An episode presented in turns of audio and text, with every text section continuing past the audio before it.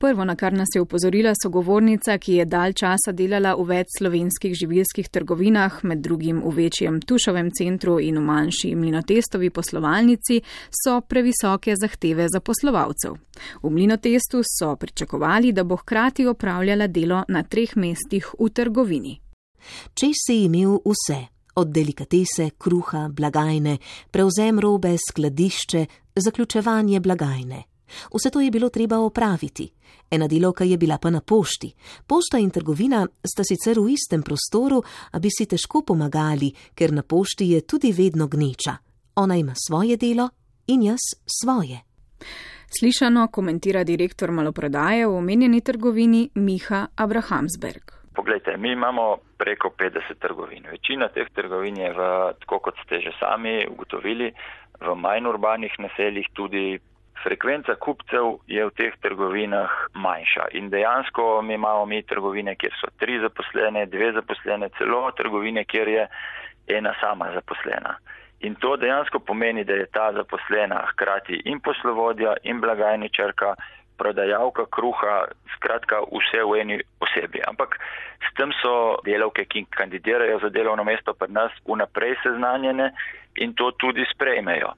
Delo pa je zaradi tega raznoliko in zaradi manjše frekvence kupcev količina dela obvladljiva, še pravi direktor maloprodaje in nadaljuje. Mi v teh trgovinah imamo običajno neke stalne stranke, stalne obiskovalce, se pravi, tu so sovaščani, zelo pogosto so to starejši ljudje. Ne, in tem ljudem so naše trgovke v bistvu mnogo krat še veliko več kot sam trgovke. Ne, se pravi, jim pomagajo pri nakupih eh, večje nakupe tudi odpeljajo domov. Eh, seveda jim je treba nameniti tudi lepo besedo, te trgovine imajo tudi neko socialno funkcijo. Tako da jaz bi rekel, da včasih so kakšne te stvari mogoče celo bolj naporne kot samo delo v naši trgovini. No. Kaj bolj vrednotite potem njihovo delo z višjo plačo, s čim drugim? Ma gledajte, plače v maloprodaji so. so takšne, kot so, tudi pri nas. Ne.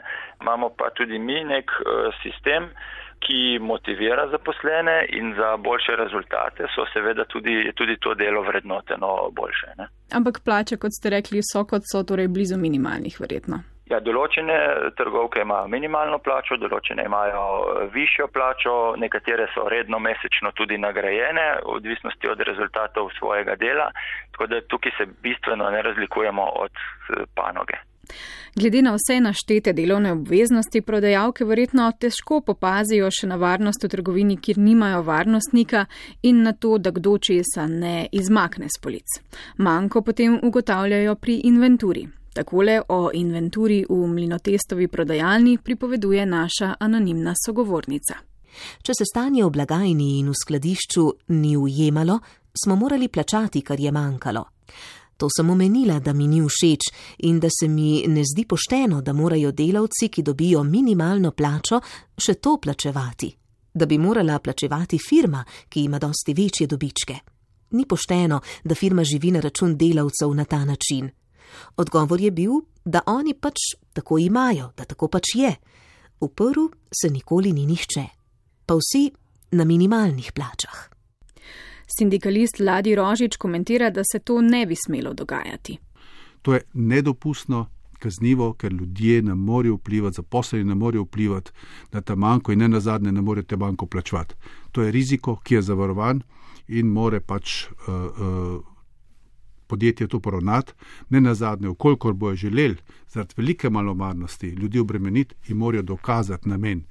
Tega pa enostavno ne morejo dokazati za celoletno obdobje, ker ljudje to ne počnejo na lahč, če pride do kraj, če pride do ne vem česa, uh, zaposleni niso krivi, če imajo slabe varovalne sisteme in ne na zadnje, uh, podjetja varčujejo, vedno manj je varnostnikov po trgovinih in Zaradi tega ne samo, da je več kraj, tudi več je nasilja tretjih oseb zopr zaposlene. Andrej Zurko, izvršni sekretar Zveze svobodnih sindikatov Slovenije za pravna in sistemska vprašanja, pa izpostavlja, da je treba v takšnem primeru najprej preveriti, ali je delodajalec naredil vse potrebno, da bi preprečil izginotje blaga. Trgovka zelo težko na eni strani, če je na blagajni, še kontrolira, ali bo kakšna stranka kaj ukradla, dala v žep ali kakoli podobnega. In seveda skozi mesec se torej te zadeve lahko kar nekajkrat zgodijo.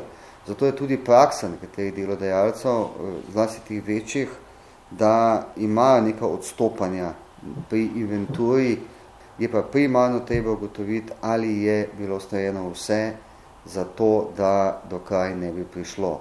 Kajti um, naložiti delovki delovcu še varovanje robe in preprečevanje kraje, pa bi pomenilo to, da bi trgovka lahko pravila celo dva poklica naenkrat za eno plačo. V mlinotestu sicer zagotavljajo, da navodilo za to, da morajo manjko pri inventuri pokrivati prodajalci v njihovih trgovinah, strani vodstva ni bilo dano nikoli.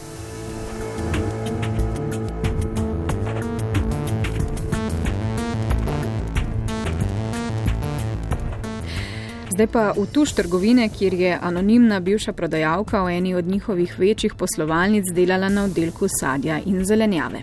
Pravi, da je bilo delo zelo naporno, na dan so imeli okoli 2000 strank. Odnos vodje do delavcev ocenjuje kot katastrofalen, saj so stalno poslušali upitje in bili deležni priganjanja, da je treba delati hitreje. No, ko so naročili preveč čebule, ki je na to segnila, pa je sledilo to. Bilo je preveč naročene robe, potem je to segnilo, se ni prodalo in potem smo morali to tisti, ki smo bili na oddelku, plačati. Robo je naročala vodja oddelka, ampak dejstvo je, da se nikoli ne ve, koliko se bo prodalo. To je težko predvideti. En dan je strank lahko ogromno, drug dan zelo malo. V tušu smo potem to morali plačati na ta način, da smo na blagajni plačali račun, kot če bi dejansko kupili to sadje, zelenjavo. Iz Tuša so nam sporočili, da takšni ukrepi niso in nikoli niso bili del njihovih poslovnih procesov. Če bi bili seznanjeni s takšnim primerom, pa do zdaj še niso bili, pišejo v odgovoru, bi nemudoma disciplinsko ukrepali, saj je to v nasprotju z njihovimi pravili. Dodajajo še, da nekdanjo zaposleno prosijo, da naj jim posreduje podatke o dogajanju, da bodo lahko izvedli interni nadzor in sprožili ustrezne postopke. Ladi Rožič iz Sindikata delavcev trgovine Slovenije pa pojasnjuje, da so pri njih že prejeli pričanja, podobna zgodbi, ki jo je z nami delila bivša prodajalka. V preteklih letih smo se ogromno s tem ukvarjali in ugotavljali, da nekatera podjetja to počnejo. V vsa podjetja v Sloveniji so prepovedala takšno prakso. Ampak pojavljajo se pa določeni poslovodje, določeni izmenovodje, ki to prakso nadaljujejo s tem, da se seveda mi ne vemo o njej, in delavce preseljujejo, da recimo kupijo blago, eh, ki mu je poteklo rok trajanja. To je nedopustno, po mojem prepričanju, kaznivo. In tudi uh, podjetja, vkolikor mi to zvemo in upravam javno, te stvari ostro sankcionirajo. Mi smo že pošiljali inšpekcije notor, uh, tam, ko smo vedeli. Tako da zdaj so te primeri bolj redki, se pa pojavljajo. Ravno včeraj smo dobili en primer iz Celovške, tle v Ljubljani, ker v enem velikem trgovskem podjetju, sicer manjši trgovini, po, namestnik poslovodje to počne. Če poslovodje to ve, ne vem, ampak enostavno to je nedopustno. In tudi nezakonito, pravi Andrej Zurko iz Zveze svobodnih sindikatov Slovenije. Če se nekaj ne prodam, Eh, ne vidim razloga, zakaj bi jaz mogel to plačati. To je nezakonita zadeva, zato delodajalec nima nikakršnega temelja za to, kajti plačilo neprodane robe pomeni, da je to robo kupila delovka in je ona lasnik, ampak ona ne more, dobenje ne more prisiliti, da nekaj kupi, če ne želi kupiti. Tako da eh, ta zadeva je absolutno nezakonita. Če se komu dogaja ali zgodi kaj podobnega, naj to sporoči na sindikat ali pa se obrne neposredno na inšpektorat za delo, kjer omogočajo tudi anonimne prijave ob koncu dodaja Rožič.